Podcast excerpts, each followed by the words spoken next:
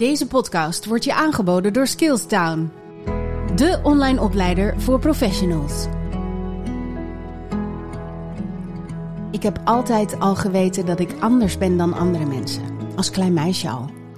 Waarom was ik zo anders? In de zoektocht naar het antwoord op deze vraag heb ik heel veel verkeerde diagnoses gekregen. HSP, ADD, ME, ADHD en zelfs persoonlijkheidsstoornis. Inmiddels weet ik gelukkig wel het antwoord op mijn vraag. Autisme, spectrum, stoornis. Oftewel, autisme. Hoe kan het zijn dat dit 43 jaar heeft geduurd? En waarom zijn er nog steeds zoveel vooroordelen over autisme? Wat is autisme dan wel precies? In deze podcast vertellen verschillende mensen over het leven met autisme. Elk verhaal zo uniek en tegelijkertijd met zoveel overeenkomsten. Ik hoop door deze gesprekken het idee dat mensen over ASS hebben te verbreden en zo eindelijk van het Rainman-syndroom af te komen. Dit is Autisme ontrafeld. En mijn gast van vandaag is de 23-jarige Samira Geerman. Zij is illustrator en mental health advocate en het gezicht achter het populaire account Bestaansrecht. En ze heeft zelf ook autisme. Welkom. Dankjewel. Wat fijn dat je even de tijd hebt genomen om te gast te zijn in deze podcast. Het doel van deze podcast is om nu eindelijk eens af te komen van het, wat ik altijd noem, Rainman-syndroom. Dat mensen nog steeds het idee hebben dat je in een hoekje moet zitten wiegen en gek moet zijn op treinen om autisme te hebben. Nou, dat is bij ons allebei niet het geval, kan ik je vertellen. Wanneer kreeg jij jouw diagnose? Nu denk ik twee jaar geleden. Ja, twee jaar geleden nu ongeveer. Ja, en jij bent 23, dus was je 21. Ja. Ik heb een flink aantal vrouwen gesproken al voor deze podcast. En ik spreek ook best wel regelmatig vrouwen op Instagram, omdat ik open ben over het feit dat ik autisme heb. En wat je toch heel vaak hoort en ziet, is dat vrouwen pas op latere leeftijd een diagnose krijgen. 45% van de vrouwen zelfs, zoals ik. Hoe denk je dat het komt dat het bij jou redelijk vroeg ontdekt is? Oh, is het 21 vroeg? Want dat voelt voor mij ook al ja, als je natuurlijk met echt volwassen mensen praat. Ja, ja als je het vergelijkt met mij, ik was 43, dan is het natuurlijk wel weer vroeg. Ja, oké, ja. Ja, maar vergeleken met bijvoorbeeld jongens, die kregen het vaak al op de basisschool. Dus dan, Absoluut waar. Dan is 21 op zich relatief ook alweer laat. Maar ik denk dat ik dan in vergelijking met jou het redelijk vroeg heb gekregen, omdat ik wel bekend was in de GGZ. Mhm. Ja, op een gegeven moment liepen daar de behandelingen vast, dus toen ging ze denk ik er toch wat meer naar kijken. En misschien ook dat er iets meer kennis is dan toen jij 21 was, denk ik. Absoluut. Ja, we zijn er nog lang niet, maar ik denk wel dat we al verder zijn dan toen jij 21 was. In de jaren 80 was de film Rain Man zo'n beetje de enige referentiekader die er bestond. ik heb die film dus nog nooit gezien. Ik weet dat het zo'n voorbeeld is van zo'n stereotype beeld, maar ik heb die film eigenlijk nooit gezien. Ik ben nu dus aan het twijfelen of ik tegen je moet zeggen of dat je moet kijken of niet. Ja, eigenlijk wel gewoon zodat ik weet waar mensen het over hebben. Dat wel. En aan de ene kant, het is gewoon echt wel een hele mooie rol van Dustin Hoffman en hij speelt het echt heel goed als je zou bedenken dat het iemand is met het savant-syndroom. Aan de andere kant begreep ik dat zijn karakter niet eens gebaseerd is op iemand met autisme. Dus zou je dan denken, nou, niemand moet meer naar die film kijken. Maar het is wel gewoon echt een hele goede film. Ja.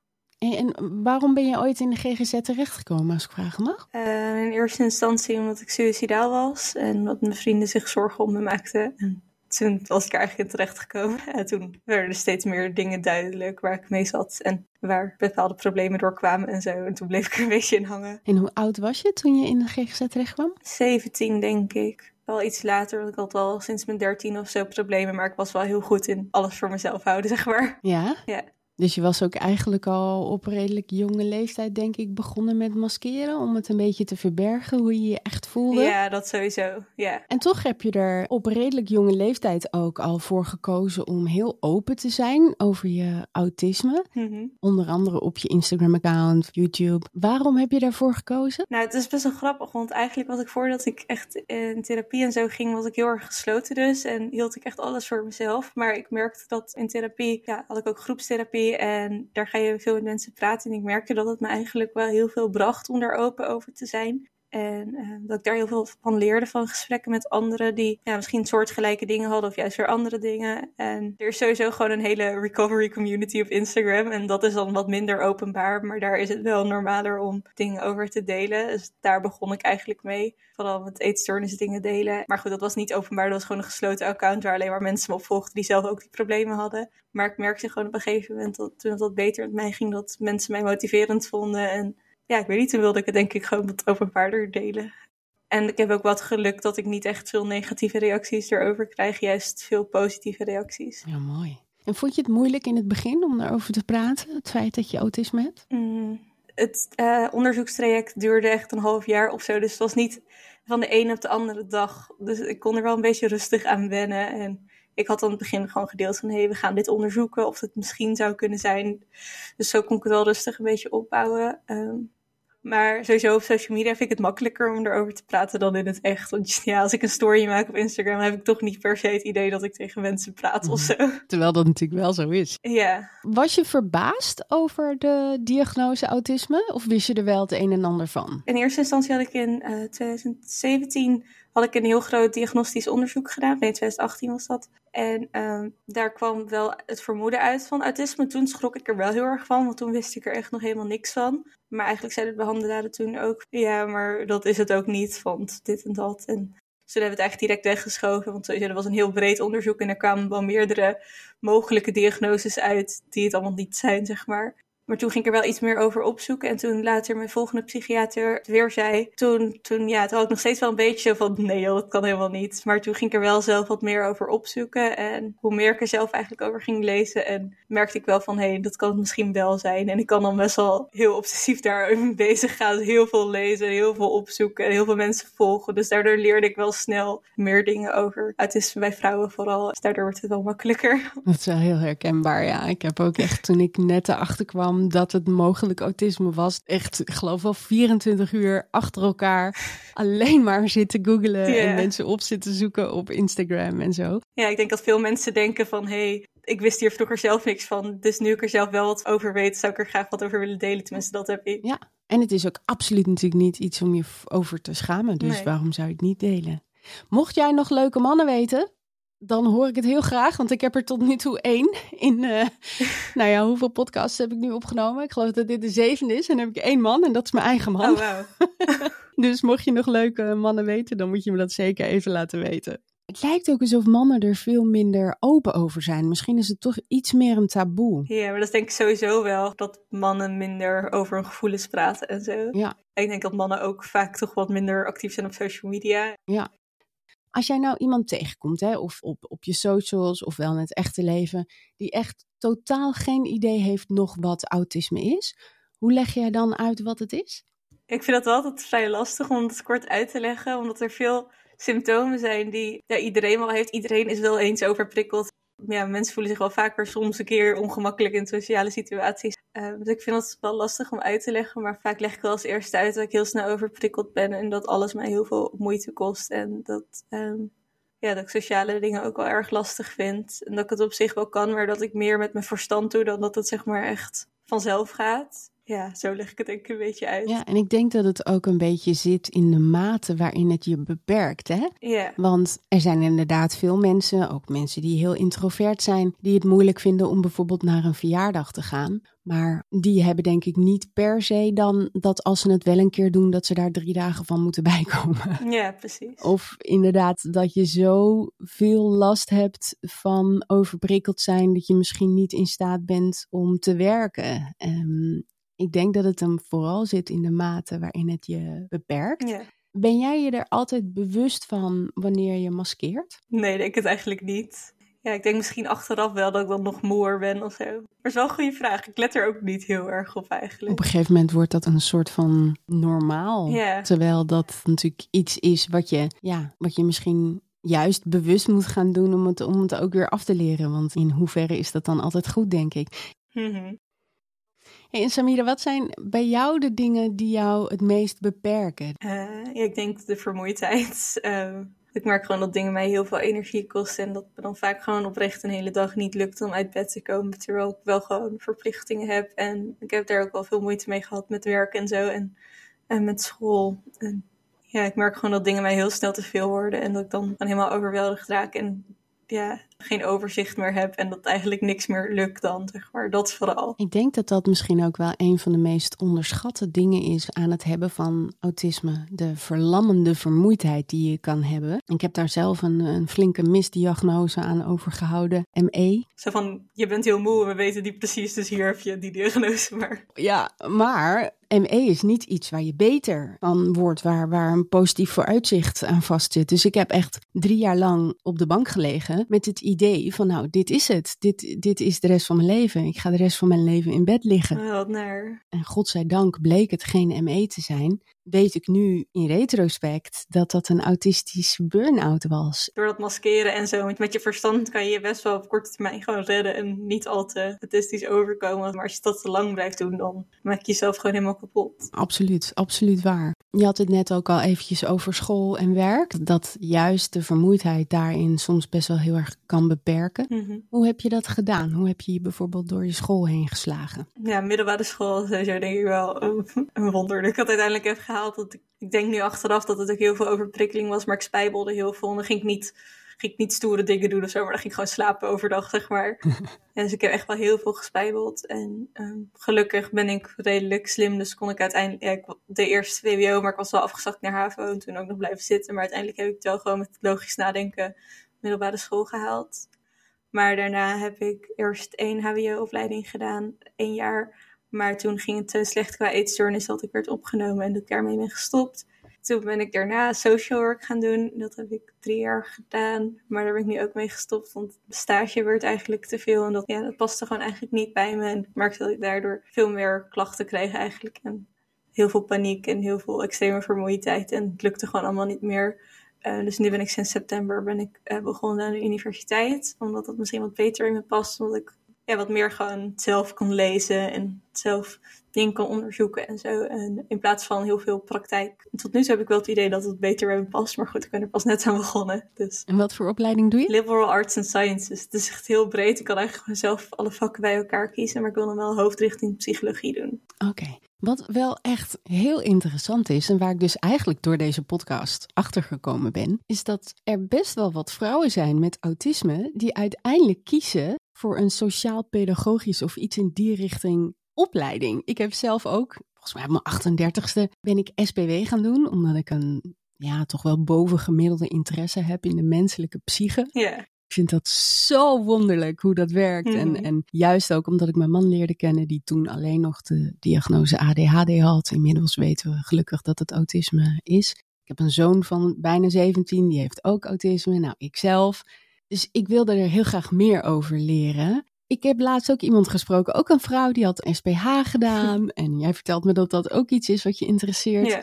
Hoe denk je dat dat komt? Ik denk dat het begint bij over jezelf nadenken van waarom ben ik zoals ik ben en waarom lukt het niet zoals bij andere mensen. Op een gegeven moment ging ik erover googlen en daar kon ik wel heel lang over blijven googlen en dat vond ik wel interessant, zeg maar. En ik had niet in eerste instantie de behoefte om een sociale opleiding te doen, maar nadat ik eens in die eetstoorniskliniek heb gezeten, merkte ik dat ik daar ook heel interessant vond om andere mensen te helpen. En ik me daar heel snel als een soort van sociotherapeut ging gedragen. Ik vond dat gewoon heel erg interessant en toen dacht ik, daar wil ik meer over leren. Ja, de menselijke psyche is natuurlijk ook wel iets heel interessants. Ja, Denk jij dat het belangrijk is om op je werk te delen dat je autisme hebt? Ja, ik denk het eigenlijk wel.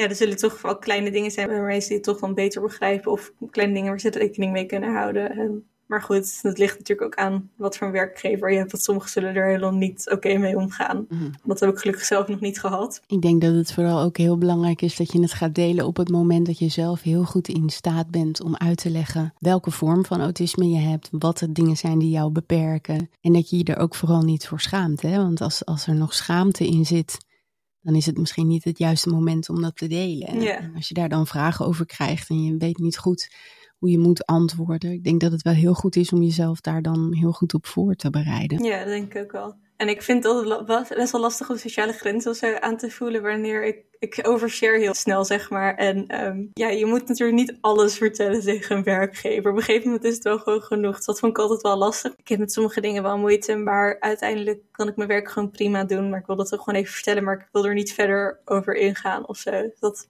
was voor mij denk ik ook wel belangrijk, want anders ben ik heel snel dat ik mijn hele levensverhaal op tafel leg of zo. herkenbaar. En vooral ook niet zielig gevonden worden, Nee. want ik ben niet zielig. Nee, maar ik wil het dan gewoon uitleggen of zo. Maar ik weet dan niet wat ik dan wel moet vertellen en wat niet. Dat vind ik altijd wel lastig. En hoe reageerde je werkgever? Ze zei gewoon, oh dankjewel dat je me genoeg vertrouwt om dit te vertellen. En eigenlijk had ik het verteld omdat ik dus aan een hulphond zit te denken. Maar ik mocht eigenlijk geen hond hier. Dus toen had ik het verteld in de hoop dat het dan misschien wel mocht. Dus dat was eigenlijk de voornaamste reden. Maar ik ging er niet echt verder op in. Maar dat had ik ook gevraagd of ze dat niet wilden doen. Ze zei alleen, oh dankjewel dat je me het vertelt. Als ik ooit iets voor je kan doen, dan eh, mag je het laten weten. Dus eigenlijk gewoon heel fijn. De perfecte reactie. Ja. Hey, en waarom zit je te denken aan een hulphond? Sowieso vind ik het soms moeilijk om een ritme te houden. En ik merk gewoon dat als ik regelmatig ga wandelen en zo, dat dat me helpt. En een hulphond kan ook dingen als overprikkeling eerder signaleren. Zelf heb ik het vaak pas te laat door. Dan ben ik eigenlijk al te ver gegaan en dan kan ik echt gewoon een paar dagen niks. En ehm, een hulphond zou dat eerder kunnen signaleren. En bijvoorbeeld in supermarkten en zo, dat vind ik heel moeilijk. Ik raak er heel snel overprikkeld en overweldigd. En dan kan ik gewoon oprecht niet meer nadenken. En dan raak ik heel in paniek of ga ik dissociëren. En een hulphond zou dan kunnen helpen om je naar de uitgang te eh, leiden of zo. Hoe ziet dat dissociëren eruit? Ik weet dan gewoon niet meer echt waar ik ben of zo. En vaak ben ik dan echt gewoon een uur lang in de supermarkt. Maar dan heb ik dat zelf niet eens meer door. Want ik loop dan gewoon als een soort van zombie rond. Ben dan gewoon even weg of zo. Mhm. Ja, fysiek ben ik er gewoon, maar mentaal gaat mijn hoofd even uit. Van nee, dat is te veel. Ik heb zelf drie chihuahuas. Oh. Het zijn absoluut geen hulphonden, maar geloof mij dat ik er heel, heel, heel veel aan heb. Ja, honden helpen sowieso of nou een officiële hulphond is of niet. Ja, Jackson is twee jaar en die is zo ontzettend gevoelig. Sowieso zijn dieren natuurlijk wel heel, eh, heel sensitief, maar Jackson is zo gevoelig. Die voelt feilloos aan in wat voor state of mind ik ben en wat ik nodig heb. En ik heb wel eens van die depressieve periodes. Vroeger was dat alleen in de, in de winter, maar ik merk hoe ouder ik word dat dat ook in de zomer eh, Oh. komt. ik wist niet dat het erger wordt als je ouder wordt. Ja, dat is echt heel gek. ik weet niet of het daarmee te maken heeft, maar ik merk dat ik er nu ook in de zomer wel eens echt heel erg last van heb. En misschien dat het nu ook wel te maken heeft met de gekke tijd en corona waarin we leven. Maar op het moment dat ik echt eventjes op de bank zit en heel erg down ben, dan hij voelt dat meteen. En dan Mhm. komt hij aangerend en dan gaat hij altijd met zijn voorpoten op mijn borst staan en echt met zijn gezicht in mijn gezicht, weet je wel. En dan, ja, ik moet dan eigenlijk altijd al meteen lachen. Ja, mijn kat deed dat ook altijd. Die ging ook altijd, en dan ging ze je gezicht likken of zo. Ja?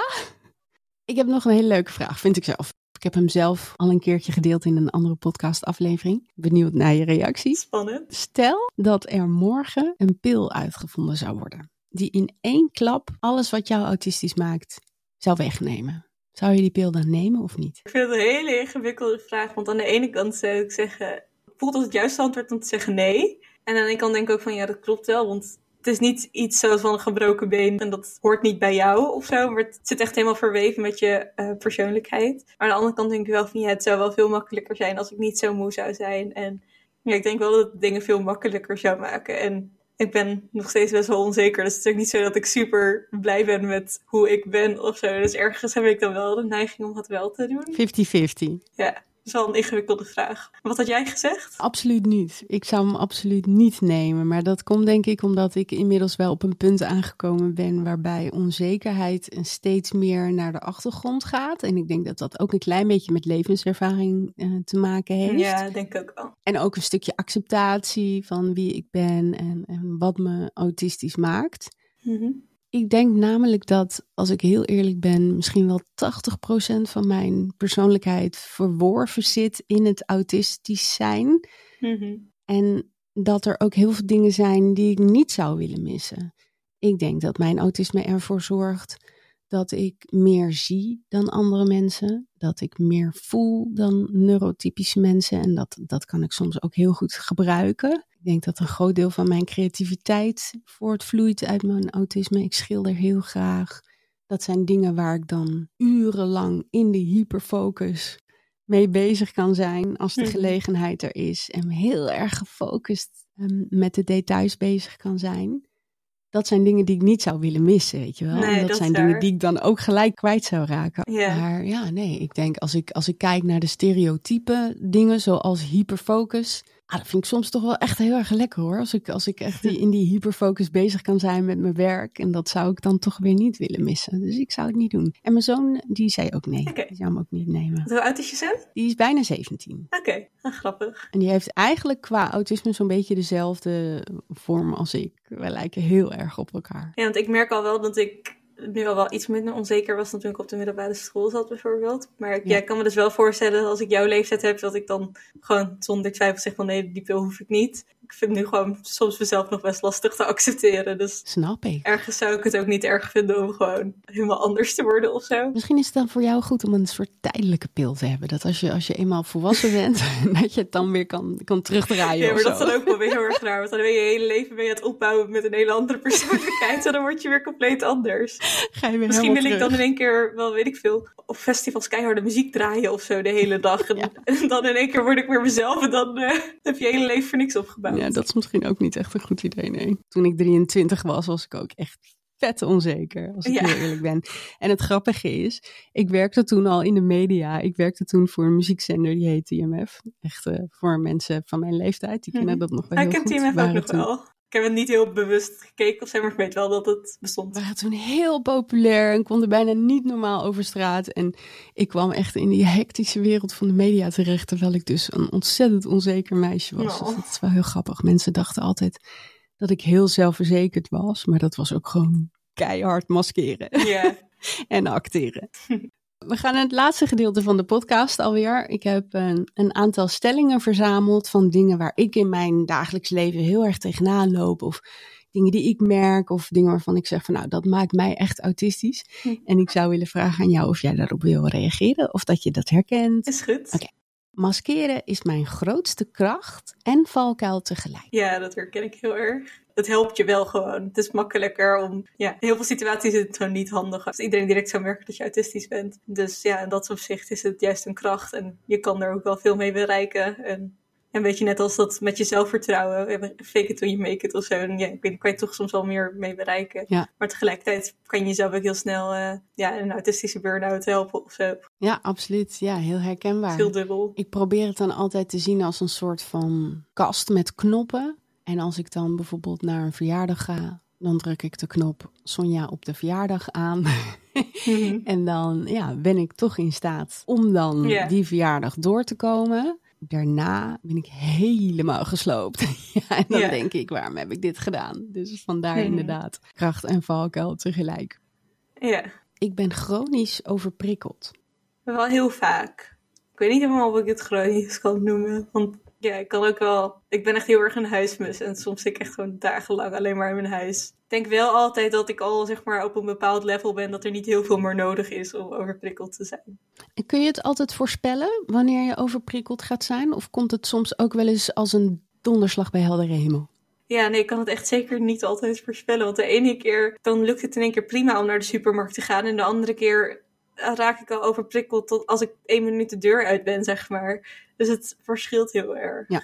Dus ja. En kun je er zeg maar een pijl op trekken wat het dan veroorzaakt? Of kan het soms ook wel eens zijn dat je echt geen idee hebt waar het van komt? Nou, ik ben sowieso wel dat ik een oorzaak voor dingen wil vinden. Dus ik weet niet of het dan altijd echt de oorzaak is. Of dat het gewoon op een gegeven moment dat ik mezelf maar wijs heb gemaakt. Want dan komt het daar wel door of zo.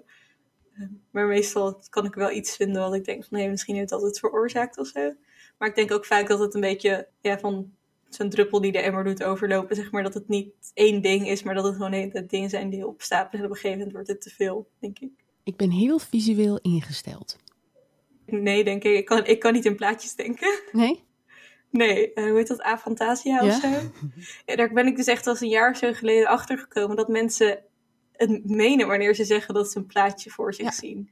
Ik dacht altijd van, ja, maar als ik mijn ogen dicht doe, dan zie ik zwart. Ja, dat is weer dat hele le- letterlijke denken. Maar ehm, ik denk van, ja, maar hoe zie je daar een plaatje? Want ik denk dan van, zien jullie dan echt een plaatje die met, weet ik veel, een, een punaise of zo in dat zwarte is geprikt of zo? Hoe zie je dat? Ja, ik snap dat nog steeds niet helemaal.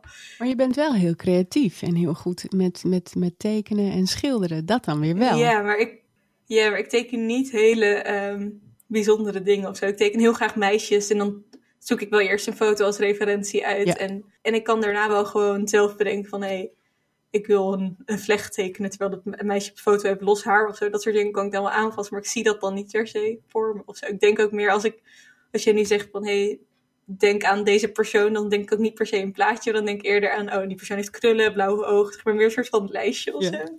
Ja, ik heb dat wel. Ik ben wel heel visueel ingesteld, maar ik vind het ook alweer lastig om uit te leggen hoe dat dan zit. Maar als bijvoorbeeld iemand tegen mij zou zeggen, denk aan een grootmoeder in een grote witte onderbroek, dan zie ik dat zeg maar wel gelijk voor me. Ondanks dat ik dat soms misschien niet eens heel erg zou willen.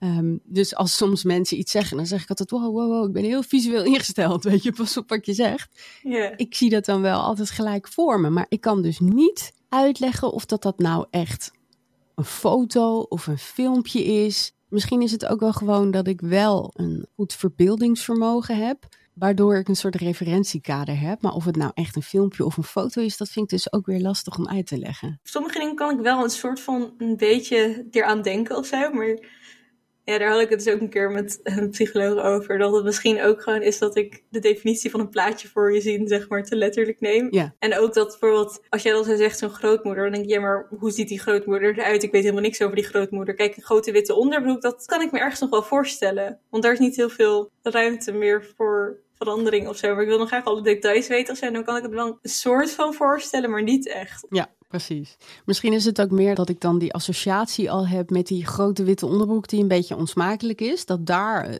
de nadruk op ligt. En hoe die grootmoeder er dan uitziet, dat dat dan niet zo heel erg belangrijk meer is of zo. Ja, ik vind dat heel interessant hoe dat plaatjes zien werkt. Deze is ook leuk. Of tenminste leuk. ik heb moeite met dingen afmaken. Ja en nee, denk ik. Ik heb wel heel veel moeite met dingen afmaken wanneer andere mensen zeggen dat ik het moet doen of zo. Maar dat is weer misschien gewoon überhaupt een dingetje dat ik niet zo goed tegen kan. Als ik iets moet doen, ik kan niet zo goed tegen moeten. Maar als ik zelf iets heel erg leuk vind, dan kan ik het wel gewoon afmaken. Als ik zelf ergens heel erg enthousiast over ben, dan kan ik ook gewoon dat ik niet wil gaan slapen omdat ik het af wil maken of zo. Maar als het een taak is en zo voor andere mensen, vind ik het vaak wel lastig om het af te maken. Ja, ik denk dat ik precies hetzelfde heb. ik doe alles methodisch.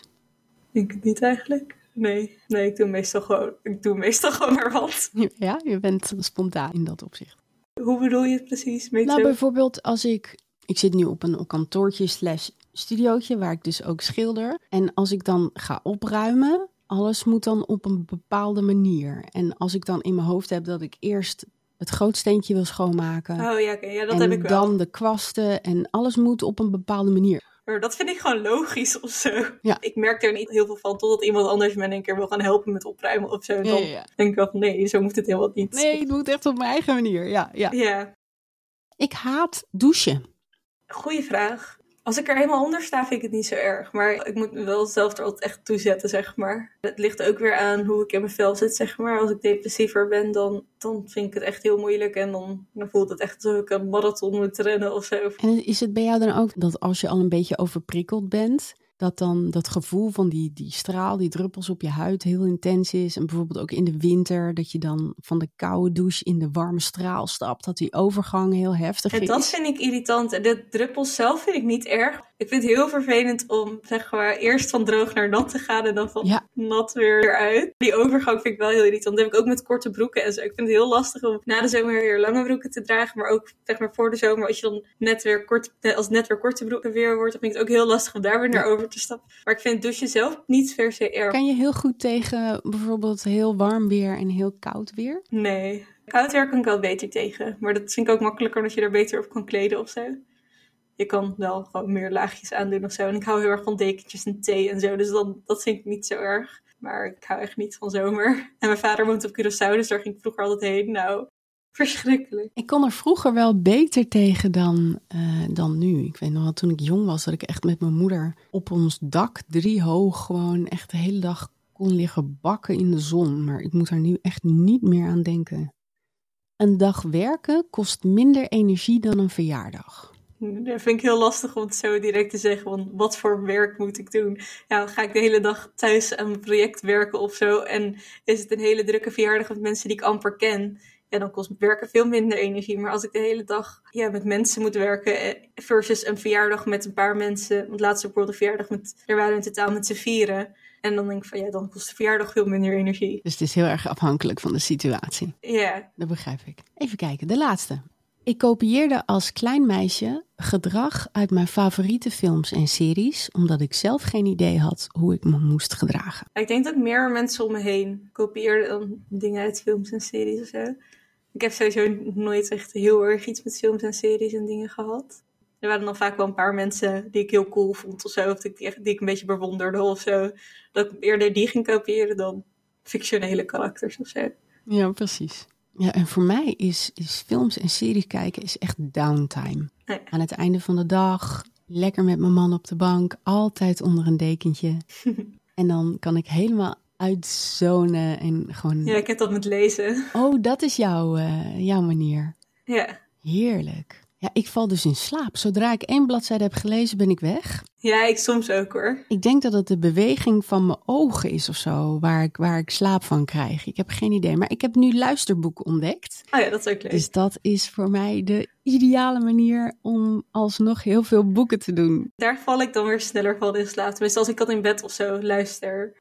Hey, we zijn alweer door de vragen heen, Samira. Ik vind het sowieso echt super tof dat je de tijd hebt genomen om, uh, om mee te doen aan deze podcast. En ik vind het echt fantastisch dat je, ja, wat ik aan het begin al zei, op zo'n jonge leeftijd al zo open durft te zijn over ja, alle dingen die je hebt meegemaakt en alle dingen die je op het moment meemaakt.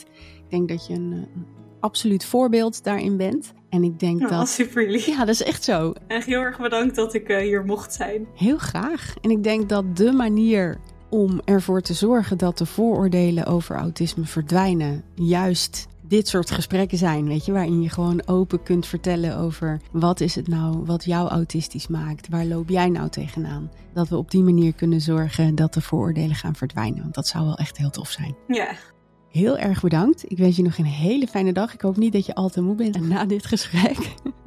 dat je lekker kan bijkomen, lekker kan gaan lezen. komt goed. Nou ja, we zien elkaar op, eh, op Instagram wel weer voorbij komen. Zorg inderdaad dat je absoluut even het bestaansrecht gaat volgen. Want, eh, nou ja, Samira deelt heel veel zinvolle content. Nou, dankjewel. Heel erg bedankt. En jullie ook bedankt voor het luisteren. Mocht je nou nog vragen hebben over autisme, dan kun je altijd even mailen naar sonja.silva.skillstown.com of naar celine.info.autismekracht.com. Zij is zelf ervaringsdeskundige en psychologe, dus zij kan misschien net even iets meer vragen beantwoorden dan ik. En volgende week is er natuurlijk weer een nieuwe aflevering. Tot dan en dankjewel voor het luisteren.